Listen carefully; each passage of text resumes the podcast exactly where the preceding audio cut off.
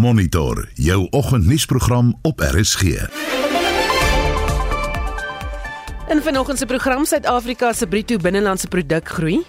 As jy jou werk verloor het in hierdie laaste 2 jaar, is jou kans om nou werk te kry definitief beter as wat dit deur hierdie periode was, want die diensname moet nou opvang met die addisionele produksie wat ons dan nou uit maatskappye uitsien. Ons praat later met die ekonome, baie meer mans pleeg selfdood as vrouens. Hierdie tipiese ding van cowboys don't cry beteken dat mans baie vroeg in hulle lewe leer om hulle emosies te onderdruk, nie weet hoe om uitdrukking daaraan te gee nie. En hoeveel politieke lewens het Boris Johnson? Myns insien sal hy binnekort ewiger storms in sy binnekring moet trotseer. Ons praat met 'n politieke ontleder. Welkom by Monitor. Die span is redakteur Wessel Pretorius, produksieregisseur Johan Pieterse en ek is Susan Paxton.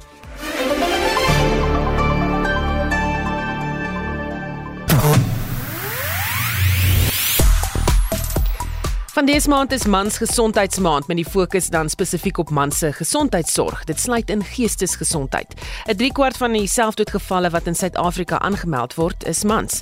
Die psigiatriese vereniging sê deel van die probleem is dat mans nie oor hulle gevoelens praat nie.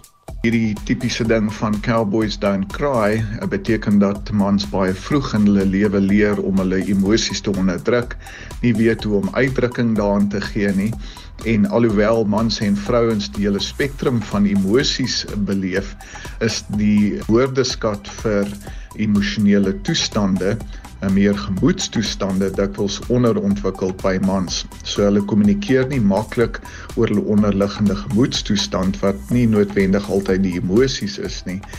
En hulle leer om dit dan te onderdruk en hulle sou dan sekerlik nie hulp kry nie. Maar wat is jou ervaring as man? Voel jy jy kan praat oor die gevoelens as vrou? Dink jy mans praat nie? Dan sê jy sommer vir ons hoekom jy so voel en of jy al so iets ervaar het. Stuur 'n SMS na 45889 dit ons eh, kos R1.50. Jy kan ook op Facebook saampraat asook op die Messenger toepassing vir ons stemnota stuur of 'n WhatsApp stemnota na 076 536 6961. 'n geskiedkundige dag vir netbal Suid-Afrika. Drie Suid-Afrikaners handig op PGA toerkaarte in en die Afrika Atletiek Kampioenskappe begin vandag in Mauritius. Ek is Shaun Schuster en ons later terug met meer inligting. Op Twitter praat mense nog oor die EFF se media-konferensie waar Julius Malema skerp te velde getrek het teen president Cyril Ramaphosa. Die Guptas bly ook in die nuus nadat Atul en Rajesh Gupta in die Verenigde Arabiese Emirate deur Interpol aangekeer is.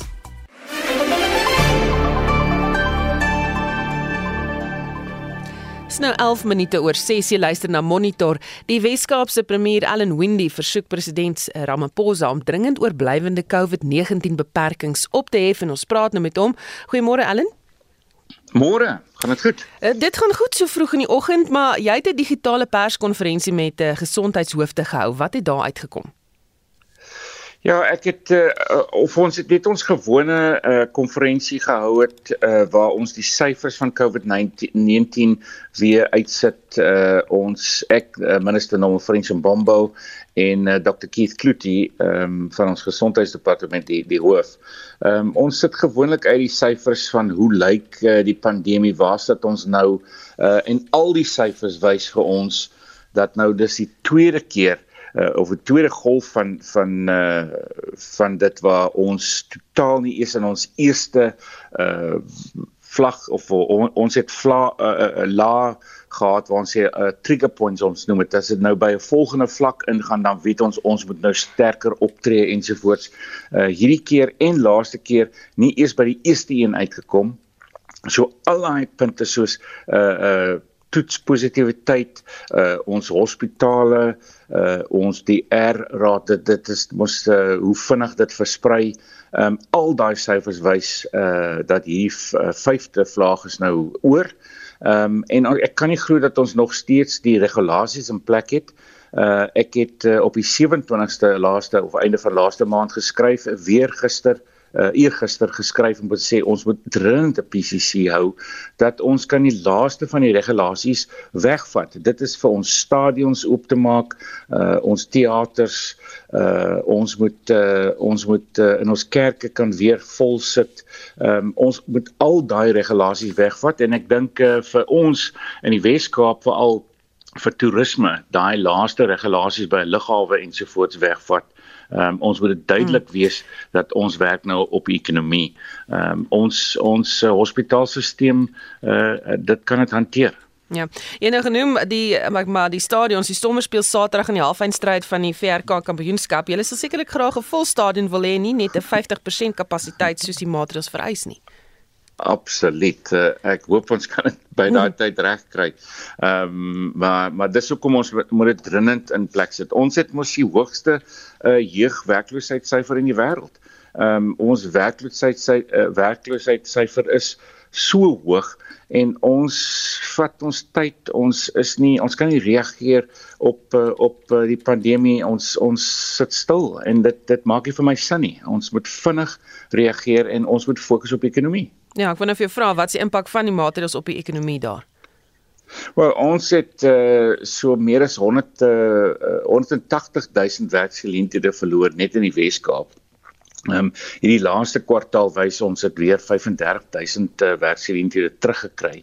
Maar jy hoef nie ver te ry nie en te sien hoe hoe uh, armoede deur ons uh, land uh, vererger en uh, dit maak nie vir my sin nie. Ons moet die ekonomie op die ekonomie fokus en en dit lyk vir my uh, die president hy hy wil dit nie roep nie. Ehm um, en miskien is dit nog steeds van die stryery binne in die ANC, ek weet nie, maar ons moet vinnig hierdie ding uh, aanpak om ons ekonomie aan die gang te kry. Behalwe vir die briewe wat jy skryf, watter of ander tipe druk gaan jy nou op die nasionale regering plaas? So ek het gedink ek moet nou begin met die ander ehm um, promes praat nou in die ander provinsies om te sê hulle moet ook begin uh, nou druk hiervoor want uh, hulle sê hele ekonomiese seker in dieselfde in dieselfde boot. Baie dankie dit was die Weskaapse premier Allan Windy. Ons het gister berig oor Harry Johannes Knoesen, die vyfde beskuldigde en leier van die Nasionale Christen Weerstandsbeweging, oftewel die Crusaders, wat skuldig bevind is aan terrorisme. 'n Senior opleidingskoördineerder van die Enact-program by die Instituut vir Sekuriteitsstudies, Willem El sê, dis nie bekend hoe groot die Crusaders groep is nie. Ons sien dat die leier, eh, meneer Knoesen, was eh, 'n voormalige weermagoffisier en aanvanklik was hy aangekla, daar was ook twee broers Adams wat saam met hom aangekla is en Errol Adams en ook die koördineerder of die administrateur Rihanna Heymans van hulle WhatsApp groep. Of dan nog verder meerlopers is dit weet ons nie. Maar dit is 'n groep wat basies van die Oos-Transvaal gesetel was maar ook hulle tentakels uitgesprei na die Oos-Kaap en die Wes-Kaap ook na die Vrystaat hierso by na Richmond se omgewing. Is hulle 'n bedreiging vir Suid-Afrika se stabiliteit Ons weet dat hulle was in 'n gevorderde stadium om hulle eerste aanval uit te voer en hulle is gearresteer net voordat hulle die aanval kon uitvoer. Dit beteken dat hulle was reg op so 'n stadium dat hulle reeds kon begin het met aanvalle. En dit het 'n bedreiging is vir die land ja tot 'n groot mate want 'n aanval op 'n weermagbasis wat suksesvol was of op natuurlik verskeie polisiestasies wat suksesvol was sal natuurlik heel waarskynlik die oog op hulle sit en verdere meelopers na hulle toe laat kom. Wie was verantwoordelik vir die inhegtenisname van die Crusaders? Die mense is eh, deur die Hoks, dit is 'n nou spesialis ondersoekeenheid wat werk op georganiseerde misdaad of op ernstige misdade in die land. Hulle het op inligting gereageer, hulle het mense dopgehou en net voordat hulle die eerste aanval kon uitvoer, toe hulle gearresteer om lewensverlies te voorkom. So wat was die plan vir hierdie aanval? Hulle het basies die tipe teikens wat hulle daar gestel het in hulle manifest. Die een is hulle wil polisiestasies aanval, hulle wil weermagbasisse aanval, maar hulle wil ook informele nedersettings aanval. Ek lees dat hy gesê het hy wil die land teruggee vir die wit mhm. mense. Die Here het blykbaar vir hom gesê hy moet dit doen, sê hy. Dis reg. Dis ook baie interessant wat hy ook praat is dat die onwettige immigrante wat ook geteken moet word in die land. So dit was vir hom baie teenoor swart net ook gevra dat sodra hulle aanval dan moet die mense soveel swart mense as moontlik doodskiet die wat nou nie simpatiseerders is. So dit is duidelik dat hy 'n rasse insig gehad het en dat hy ook gesê dat hy wil die regering oorvat en dan wil hulle 'n wit regering daarmee selfs dan waar hy natuurlik ook baie betrokke sal wees. Wat daartoe gelei het dat hy nou die klagtes van Hoogverraad en Sedisie teen hom het. Dit was 'n senior opleidingskoördineerder van die Enact program by die Instituut vir Sekuriteitsstudies, Willem Els en hy het met Mitsi van der Merwe gepraat. Van die 13774 selfdoodgevalle wat in Suid-Afrika aangemeld word, is 10861 mans teenoor slegs 2913 vroue.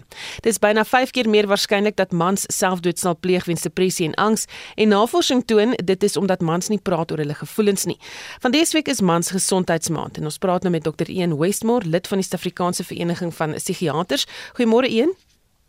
Môre, hoe gaan dit daar? Nee, dit gaan fantasties hier, maar hierdie is skokkende statistiek. Is daar steeds daai ja. stigma dat mans nie moet praat oor hulle gevoelens nie? Cowboys don't cry mentaliteit. Ja, dis die groot groot probleem. Uh ek ek wil net sê ek ek dink dit is belangrik om te sê as mens kyk na statistieke dat vrouens oor die algemeen baie meer selfmoordpogings aanwend. Maar mans is meer suksesvol daarmee en dis die groot probleem. So ehm um, ons moet ons moet regtig fokus op mans. Ehm um, en die probleem is dat daar hierdie stigma is en daarom uh met die stereotipering van mans se rolle oor die algemeen en dit gaan oor ek sien dit oor alle kulture. Uh kom mans nie maklik na vore en sê dat hulle swaar kry nie. En ons weet dat die oorgrootste meerderheid van uh mense met uh selfdood op die ou ende depressie het. So daai depressie word nie gediagnoseer nie en word nie behandel nie. So dis regtig kommerwekkend en ons hmm. moet harder werk om mans te kry om vroeër te praat. Ehm um, die die probleem is dat mans baie keer dink dat hulle daarvan hulle verwag word om sterk te wees, om altyd in beheer te wees, om betroubaar te wees. En daarom wil hulle nie uh, sê dat hulle swaar kry. Daar daar's baie keer die persepsie dat as jy depressief is dat jy swak is of dat daar iets groots fout is met jou. Uh en hulle wil nie daai daai uh lig in daai lig gesien word nie. So dis hoekom ons uh, wil fokus daarop op hierdie stadium. Mm. Is waar kom hierdie stigma vandaan dat mans nie moet praat nie? Ek dink dit kom oor 'n lang uh lang periode. As jy kyk hoe hoe mans grootgemaak is, um ek sê baie keer, uh, jy weet ons generasie is is grootgemaak deur mans wat groot geword het in die oorlogtyd. Jy weet so in in daai tyd uh was daar nie regtig uh die leksheid om uh te praat oor dinge nie want daar moet net dood eenvoudig gefokus word op oorlewing.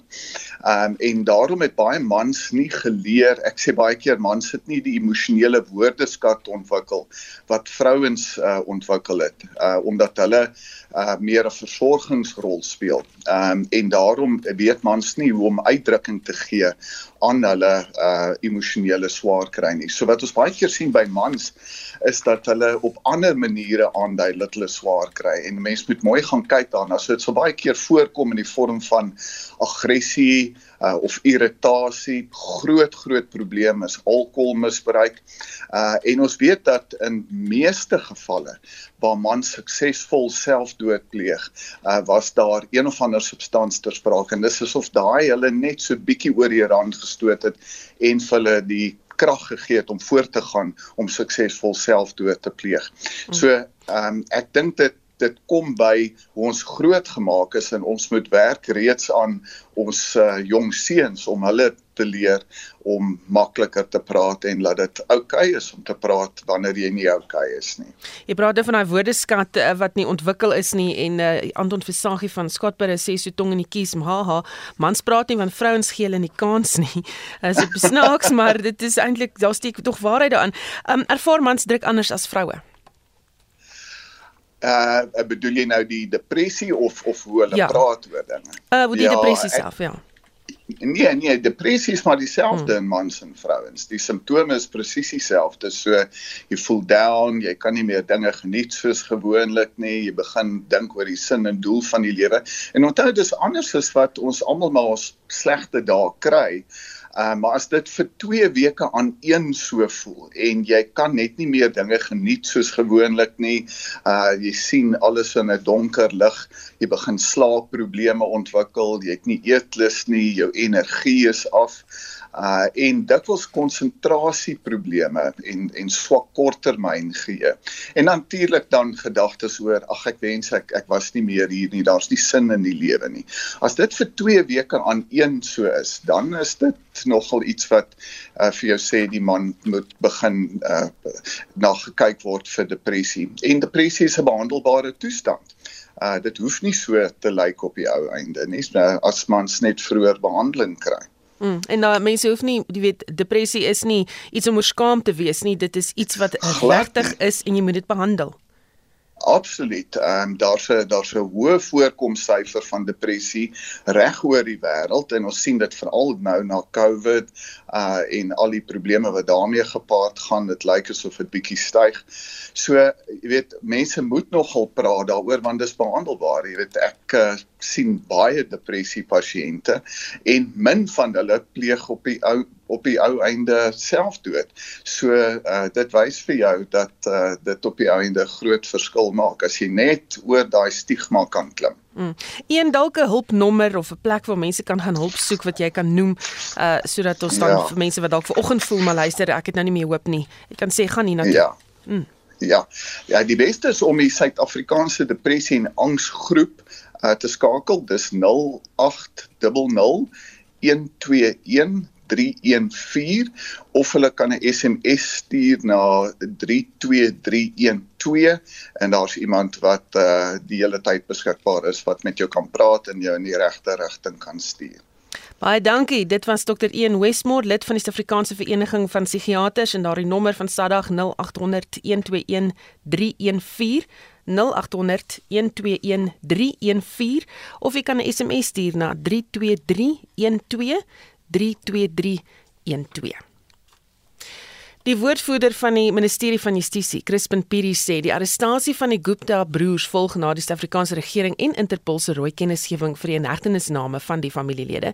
Piri sê daar sal nou aansoek gedoen word om die broers aan Suid-Afrika uitgelewer te kry. Indeed, we no no not an request for extradition.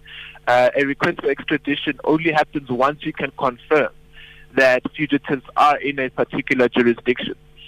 So at this stage, it is a it is the UAE acting on our Interpol red notice, which has been put out, and so the UAE have indeed confirmed that fugitives are in the UAE, and we can then now begin the process of ensuring that extradition takes place. Op 'n vraag hoe lank die broers aangehou kan word in die Emirate, kon Piri nie antwoord nie. I wouldn't know what the law in the UAE is. I, for instance, in South Africa, we do know that it's 48 hours.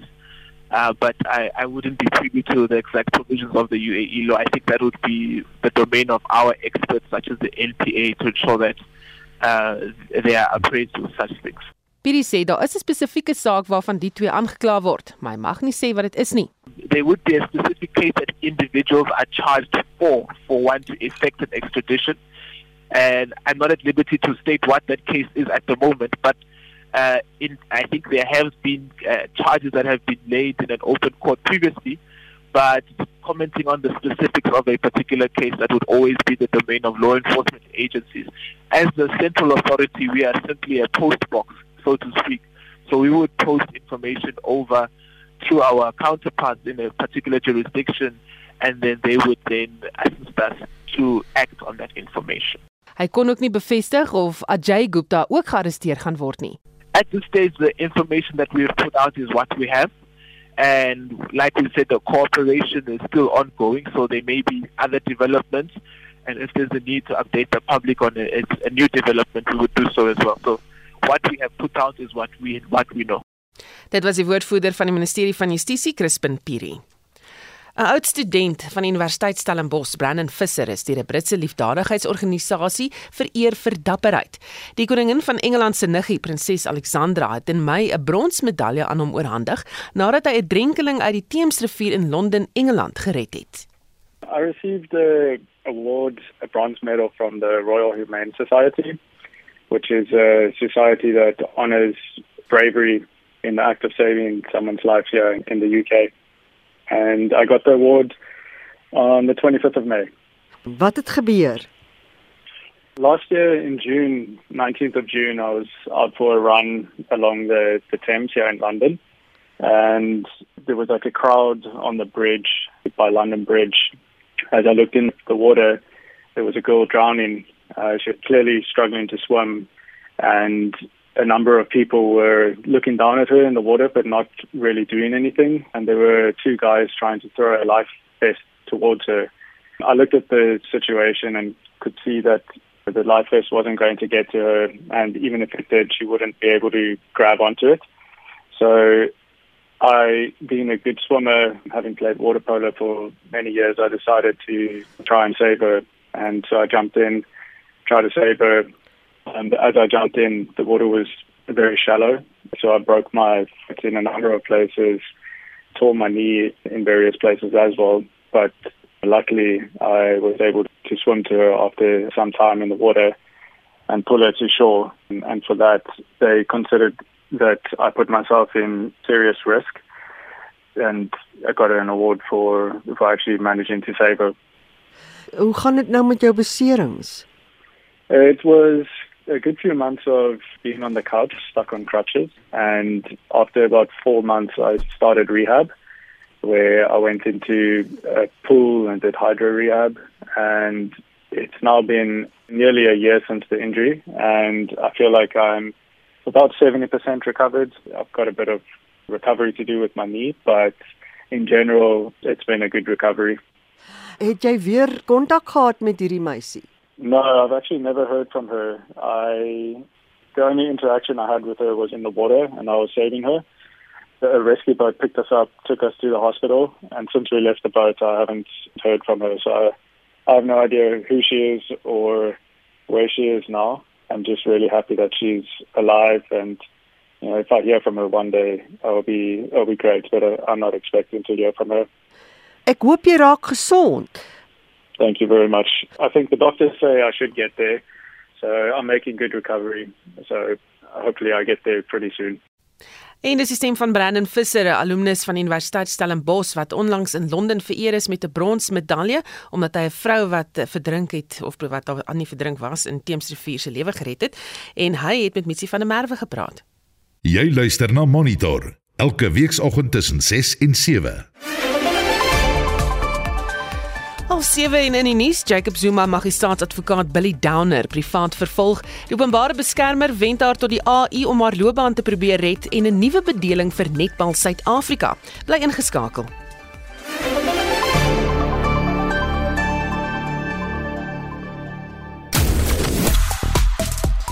Hulle luisteraar vra dat ons die depressie sentrum se telefoonnommer moet herhaal. Nou ja, dis 0800 121 314. 0800 121 314. Dan Dani van Hartbeespoort sê dat ek is 62, het hierdie jare al met baie mansvriende en kollegas gepraat en hulle depressie en angs en frustrasies is byna altyd hulle vrouens se skuld. Baie meer as hulle omstandighede. Vrouens het skuld aan om nie regtig na hulle maat te luister nie en gewoonlik manipulerend uh wees en dit word opgekrop. Dan sê Johnny Pringles baie hartseer storie. My seun het op 3 Junie 2020 sy lewe geneem. Hy wou met niemand oor sy emosies praat nie. Dankie dat jy dit met ons gedeel het, Johnny. Ehm um, dan sê nog iemand, maar hoekom? Want mans is gewoond as een hom kwaad maak, slaan jy hom reg, maar nou staan mos te veel wette en ek hoop nie dit is die eh, die gedagte daar nie, was nie eintlik mense slaan nie. En uh, nog 'n luisteraar wat sê dat daar is, is al so baie sambreel beskuldigings, aanslaan, skuldgevoelens wat deesdae mans by implikasie as die skuldige uitmaak. Druk as hoof van die gesin en dan sny daai SMS af. Ek weet nie waar is die res van hom nie, maar dit gee vir ons min of meer 'n idee van da, wat daar aangaan of wat die persoon probeer sê. Ehm, um, maar jy kan nog steeds saamgesels. Ervaar jy ook dat mans nie praat oor hulle gevoelens nie en uh, dink jy vrouens praat meer as mans en onthou daar is 'n nommer wat jy kan skakel as jy voel vanoggend dat uh, die lewe jou druk en dat jy hulp nodig het dis 0800 121 314 Met die jongste sportnuus sluit Shaun Jooste nou by ons aan. Goeiemôre Shaun. Goeiemôre Susan. In 'n geskiedkundige dag het Netball SA 24 spelers met nasionale kontrakte beloon. Hoeveel is plaaslik en hoeveel oorseese spelers? Ja, die 24 is daar 7 oorseese spelers en 17 wat plaaslik in die Telkom Netball Liga deelneem. Nou van die name wat kontrakte gekry is Bongie Msomi, Marlies de Bruin, Lenies Potgieter en ook natuurlik Karla Mostert en uh, ons sien uit na die toekoms vir Suid-Afrikaanse netbal. Mm, ek hoop ons sien meer daarvan op televisie ook.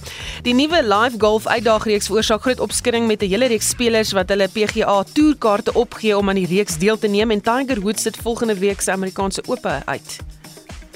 Ja, die PGA Tour het verlede week aangekondig dat spelers dissiplinêre aksie in die gesig staar indien hulle aan die reeks deelneem. Nou met die ultimatum wat gestel is, lyk dit asof spelers die nuwe reeks sal kies. Die reeks bied meer prysgeld aan en met minder toernooie sal spelers ook meer by die huis kan wees. Van die name wat uh, hulle toerkaarte opgegee het is Dustin Johnson en Sergio Garcia, nou ook die drie Suid-Afrikaners Louis Oosthuizen, Brandon Grace en Charles Schwartzel. Die nuwe reeks se eerste toernooi vind hierdie week by St Albans net buite Londen plaas en die Amerikaanse golfvereniging vereniging het intussen aangekondig dat geen spelers ver, verhoed sal word om aan die Amerikaanse Ope deel te neem nie. Nou die voormalige wêreldnommer 1 Tiger Woods sê sy liggaam kort bietjie meer tyd om van verlede jaar se motorongeluk te herstel, so hy sal die Amerikaanse Ope wat volgende week plaasvind uitsit. Australië neem 'n 1-0 voorsprong in hulle T20 reeks teen Sri Lanka en ons vroue Protea span is op soek na 'n reeks oorwinning in Ierland. Ja, die Aussies het Sri Lanka met 10 paaltjies oorrompel en hulle beoog nou om die reeks in die tweede wedstryd te beklink. Ja, ons vroue Protea span pak Ierland vandag in die derde en beslissende wedstryd van daardie T20 reeks. So baie sterkte aan hulle. Sean, wat het gisteraand se Europese Nasie Liga wedstryde gebeur of in daai wedstryde gebeur? Duitsland en Engeland het 1-1 gelyk op gespeel en uh, Italië het Hongarye met 2-1 geklop en dan vanaand kwart voor 9 speel België teen Pole en Wales teen Nederland. Laastens die Afrika Atletiek Kampioenskappe vind oor die volgende 4 dae in Mauritius plaas. Wie vorm deel van die span? 'n Groep van 89 atlete verteenwoordig Suid-Afrika by die kampioenskappe. Nou die 100 meter spesialis Akani Simbine, die 200 meter naloper Clarence Munyai Die gewigstoter Karl Blighnout en ook die 5000 meter vrouatleet Caster Semenya is deel van die groep. White van die Kerk herstel nog van 'n besering en hy sal nie aan die kampioenskappe deelneem nie. Baie dankie, dis Shaun Jooste van RSG Sport. Thank you. Jy luister na Monitor die liggame van sommige Oekraïense vegters wat dood is tydens pogings om die suidoostelike hawe van Mariupol te verdedig, het in Kiev aangekom. Justin, jy het die jongste internasionale nuus. Ja, Susan, dit is groot deel van 'n ooreenkoms met Rusland met elke kant wat 160 lyke ontvang het, maar Moskou het nie kommentaar hierop gelewer nie. En ons weet reeds dat uh, meer as 1000 Oekraïense soldate wat in Mariupol gevange geneem is, boonop na Rusland oorgeplaas is. Intussen sê die voormalige Duitse kanselier Angela Merkel sy het hard gewerk werk in die amp om te keer dat die situasie in Oekraïne vererger. Ja, en sy is daarvan beskuldig dat sy Duitsland kwesbaar gelaat het deur besigheidsgedrewe verhoudings met Rusland te bou. Die Nord Stream 2 pypleiding wat Russiese aardgas direk na Duitsland sou vervoer, is gebou terwyl sy kanselier was en haar opvolger het bedrywighede opgeskort kort voordat Rusland Oekraïne in Februarie binnegeval het. Die BBC se Damien McGuinness berig. Angela Merkel said that she felt extremely worried about what was happening, but she defended her role in negotiating the Minsk peace agreements between Ukraine and Russia after the annexation of Crimea in 2014. Mrs. Merkel said she accepted that these agreements were not ideal, but she said if the accords hadn't been agreed, Putin would have escalated the war at a time when Kiev could not fight back. She also defended her stance against starting the NATO membership membership process for Ukraine back in 2008, saying Russia would have launched an attack on Ukraine straight away. Ons bly in Oekraïne waar Uber sy taksi-toep aangepas het om noodhulp te lewer aan mense in die land. Die diens se sagte ware word gebruik om afleweringe te koördineer, sê die uitvoerende hoof Dara Khosrowshahi. This essentially is a customized version of the platform that allows the UN World Food Program to run call it a private label Uber, their own Uber. Goed, eh, die president van die Wêreldbank waarsku dat stygende voedsel- en energiekoste dreig om ontwikkelende nasies in 'n resessie te gooi. Ja, David Malpass sê dit is moeilik om te bepaal wanneer die wêreldwye ekonomiese krisis sal eindig te midde van die oorlog in Oekraïne. Hy het gepraat nadat die Wêreldbank sy wêreldwye ekonomiese groeivoorspelling verlaag het en waarsku dat stagflasie, dis nou 'n kombinasie van hoë inflasie en lae groei, vir die eerste keer sedert die 1970s kan terugkeer.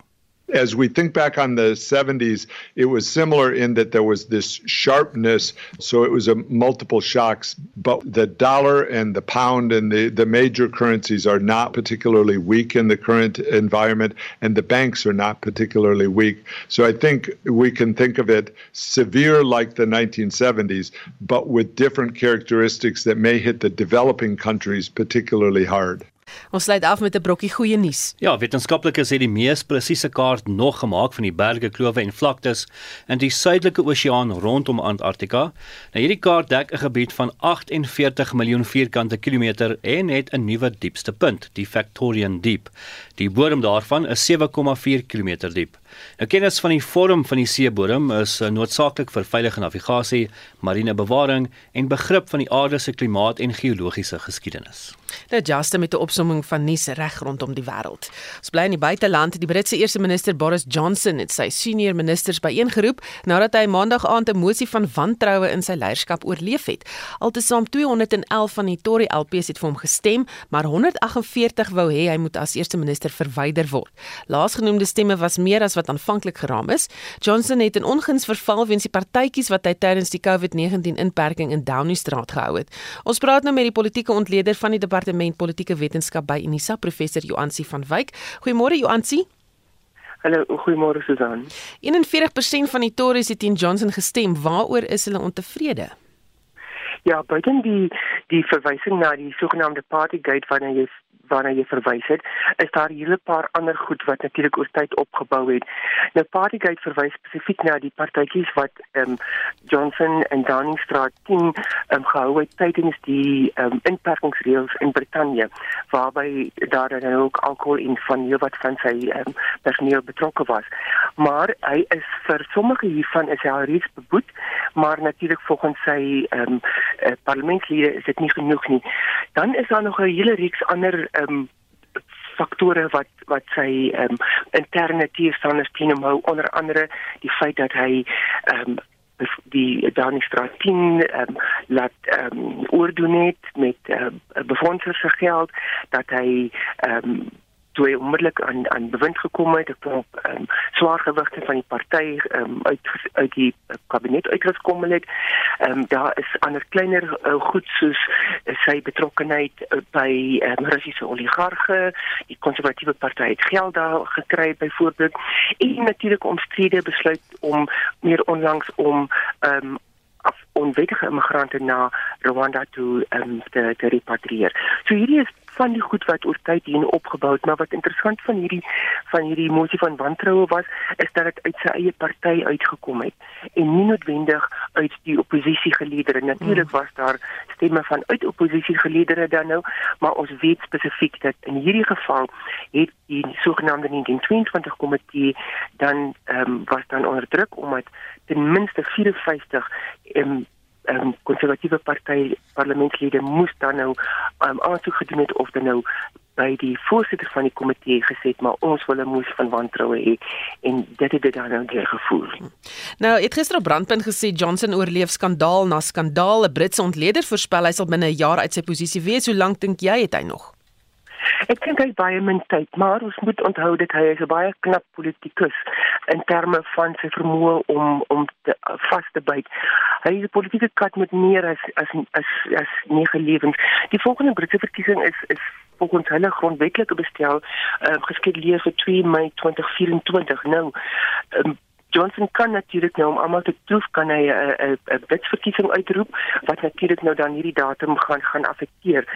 Um, ek het 'n vermoede dat die die die, die parlement gaan binnekort in in ehm um, reses dan gaan daar natuurlik net taamlik tyd wees vir vir binnebeplanning cetera maar ek het ook 'n vermoede dat daar is reeds 'n uh, organisering binne um, die oppositie oppositiegeleerde binne sy eie party vir sogenaamde vakkies om te ontstaan. Ons weet dat hy volgende week moet hy saam met sy minister van uh, finansies moet hy uh, die parlement toespreek oor um, belasting ehm um, ehm um, um, sake en dit gaan dan ook 'n aanduiding gee of of sy depart ag sy ministerie en sy leierskap dan nou bekwam is om voort te gaan.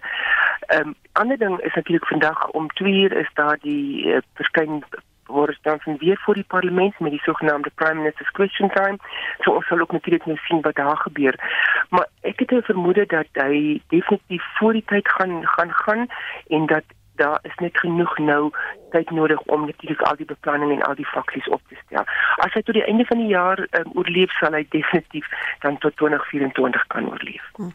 En net vinnig, wat gaan van sy grootste uitdagings nou wees? Hy het natuurlik met die probleem om die uh, post-pandemie um, herstel van die Britse ekonomie uh, dan nou weer uh, op koers te kry.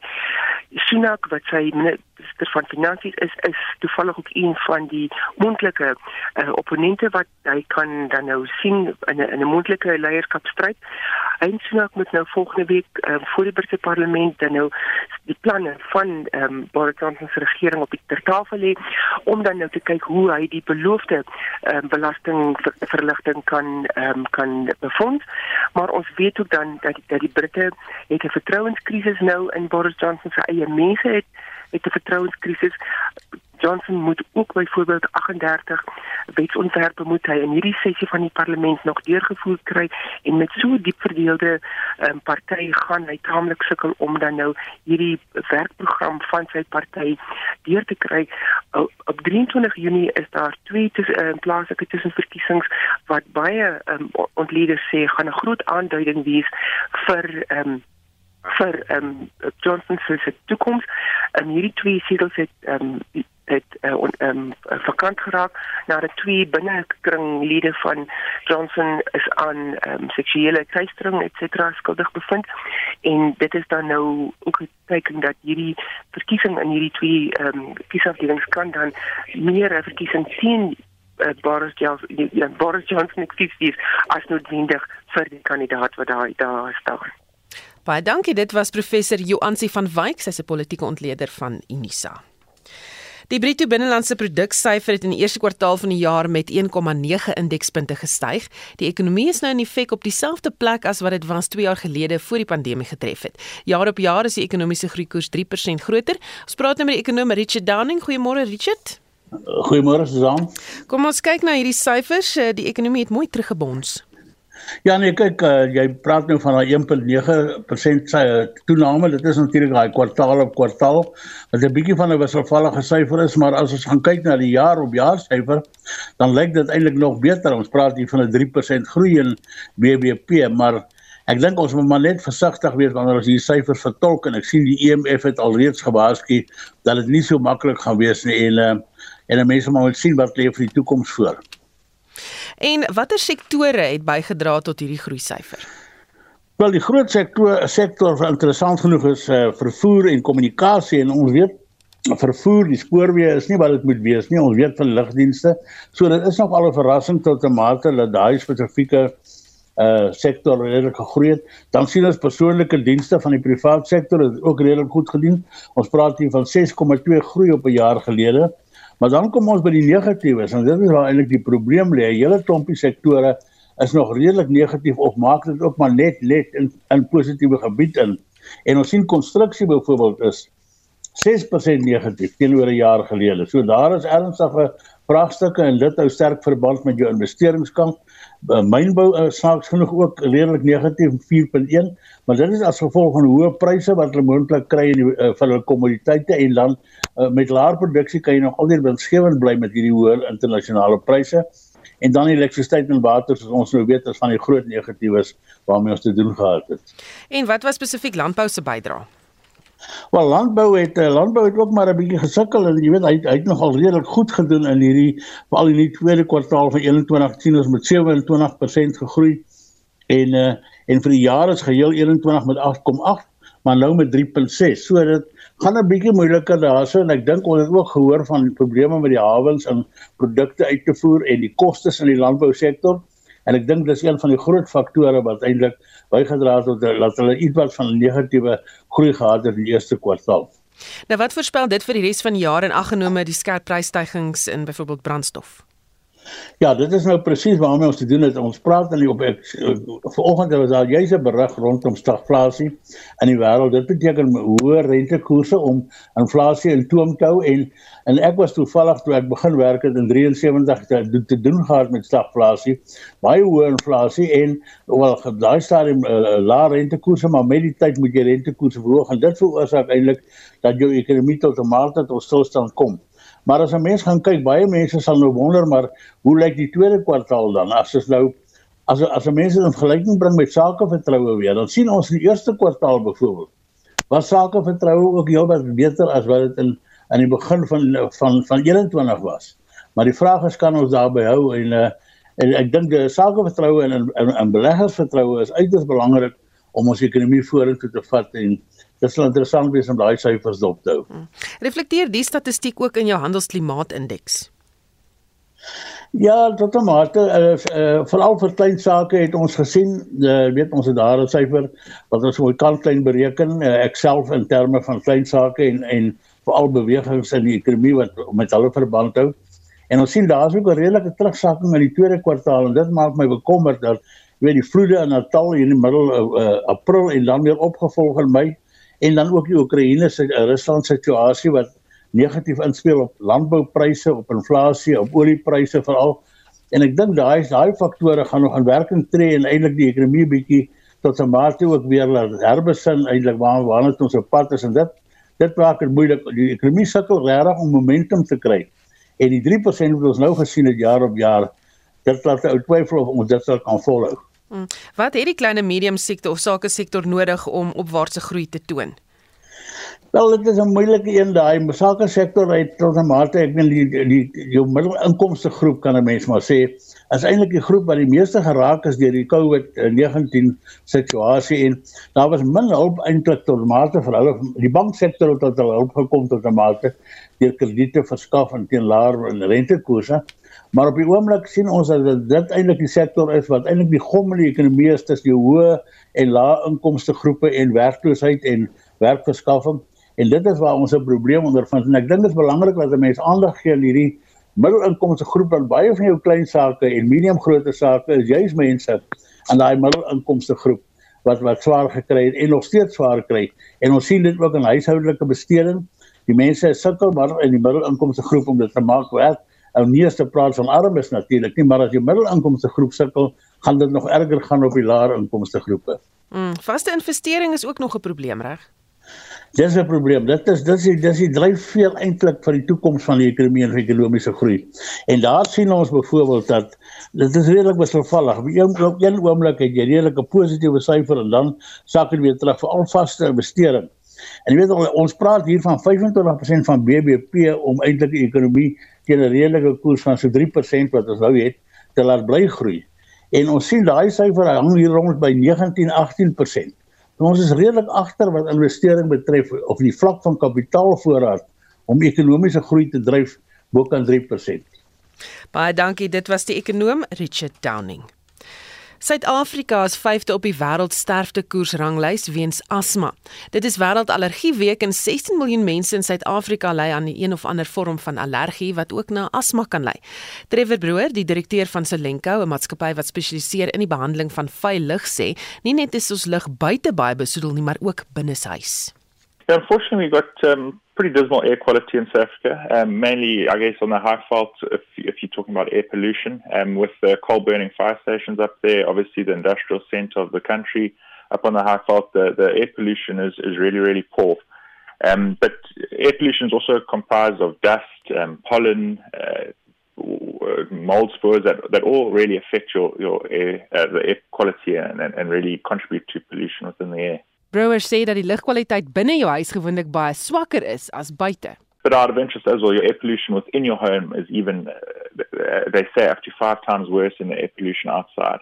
And so if you do live in a city where there is a lot of smog, a lot of uh, sulfur dioxide, like from the ESCOM power stations, and the pollution within your house could be just as bad. Um, and that's mainly due to VOCs, um, which are volatile organic compounds, which are, are found in all our, our um, household cleaning products. And it could be due to the cooking within the house. It could be due to high humidity within the house, which which results in the growth of mold and the release of mold spores. Um, so, yeah, air pollution is not quite just uh, an industrial uh, uh, factor. Uh, it's, it's, it's, there are certain environmental factors which also contribute towards it.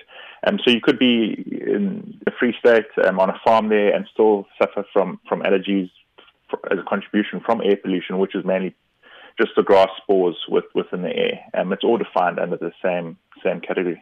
Brewer sê dieselfde besoedeling wat gewoonlik allergieë veroorsaak kan ook lei tot asma-aanvalle. It's a it's a massive problem for us here in in the country. We actually have the fifth highest mortality rate in the world uh, for asthma, which is a real concern for us at Selenka. We we rank 25th in the world for asthma prevalence, um, 25th out of all the countries in the world for asthma prevalence. So it's a huge, huge issue here. Um, and and perhaps just to put us into a bit of context, asthma is is has has two causes essentially, which is genetic, and um, so you either be born with it, um, and uh, it will develop through that. But also there are certain triggers that give you an asthmatic reaction, and and those triggers are very closely associated to what people suffer in terms of allergies. Brewer sê dit is egter moontlik om die probleem op te. So it's really important to perhaps first understand what your trigger is, whether it's asthmatic or allergic uh, trigger. Um, a lot of people um, change when the changing of the seasons are then to spring or start suffering from allergies from from um, pollen. Um, that's that's a very common allergic reaction that we hear of, and it's a very common trigger within an asthmatic sufferer as well. Something like pollen is is obviously it's it's, um, it's a it's an airborne particle that's released from from flowers and it's it's used to sort of reproduce from a flower's perspective. But what what's annoying for us, I guess, as people, is it gets into our airways and it can cause that irritation and, and that issue. En dit was Trevor Brewer, die direkteur van Selenco, 'n maatskappy wat spesialiseer in die behandeling van vuil lug. Verkeersnuus nog nie klaar nie. 'n Luisteraar wat sê dat daar staan 'n voertuig net na Samrand op die N1 suid, dis hier in Gauteng. Die regterbaan is versper. Dankie vir daardie inligting. Dan uh, het ons gepraat oor selfdood vanoggend onder mans en uh, Pieter van Boksburg sê my broer het jare gelede selfmoord gepleeg. 28 jaar later huil ek steeds. Hy het nooit gepraat nie. Die dag toe hy skree vir hulp, toe is dit te laat. Almal is te besig. Gee selfmoord noodkreet net 5 minute van jou aandag asseblief sê sy in hoofletters. En En nog iemand wat sê dat mans is groot gemaak when the going gets tough, the tough gets going. It's Samuel wat vir ons daar sê. Dankie dat jy weer saamgestel Samuel. En nog iemand wat sê dat om oor die drempel te kom om oor depressie te praat, is 'n baie groot hekkie. Ek dink ek stem nogal saam. Dit vat guts, maar dis die moeite werd altyd. CP van Witbank of Emma Lahleni. Nog iemand wat vra dat ek die nommer moet herhaal van die uh, self die depressie sentrum en dit is uh, 0800 121 314 0800 121314 en dan staan 'n SMS nommer ook dis 32312 32312. Op Monitor Spectrum se Facebookblad gesels die mense ook saam iemand wat sê ek vermoed dit kan wel toegeskryf word aan die feit dat meer mans as vrouens vuurwapens besit en daarom meer gereedelik toegang het tot hierdie oorskynlike pynlose manier van selfdood. Dis Nicoline Smalman wat so sê tog bespeer ek huiwerigheid onder beide mans en vroue om professionele hulp vir sielkundige kwessies in te win. Hulle is onder meer bang om oop kaarte met hulle werkgewers te speel en te vra vir die nodige tyd om kenners te gaan spreek en uh, dan nog iemand wat sê toeganklikheid tot psigiatriese hulp is problematies. Man se geestesgesondheid ook bydraende faktor tot geslag en gesinsgeweld. Dankie vir almal wat vanoggend saamgesels het oor hierdie uh, kwessie. Pala Pala Farm is 'n warm besprekingspunt op Twitter. Dit is nou die naam van president Cyril Ramaphosa se plaas in Limpopo waar miljoene dollar na bewering gesteel is. Die sakeman Hamilton Glowu kry ook baie aandag nadat sy multimiljoen rand kontrak met die staat as onwettig verklaar is. Nou ja, onthou vorige uitsendings van Monitor Spectrum brandpunt naweek aktueel en kommentaar is op die RSG webblad as potgoeie beskikbaar. daarmee groet die Monitor span vanoggend. My naam is Susan Paxton bly ingeskakel vir op en wakker.